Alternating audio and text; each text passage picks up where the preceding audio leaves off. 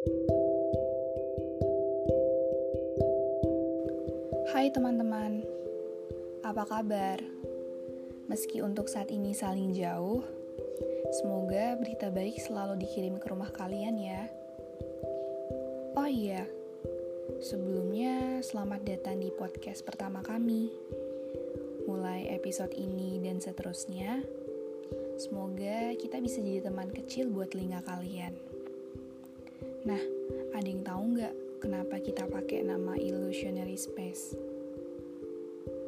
Karena kita mau menjadikan ruang ilus ini jadi ruang kami buat mengekspresikan rasa. Dan karena menurut kami, beberapa rasa yang udah terlalu penuh juga butuh buat dituangkan. Jadi, selamat berteman dengan kami. Salam hangat. Hope you guys enjoy.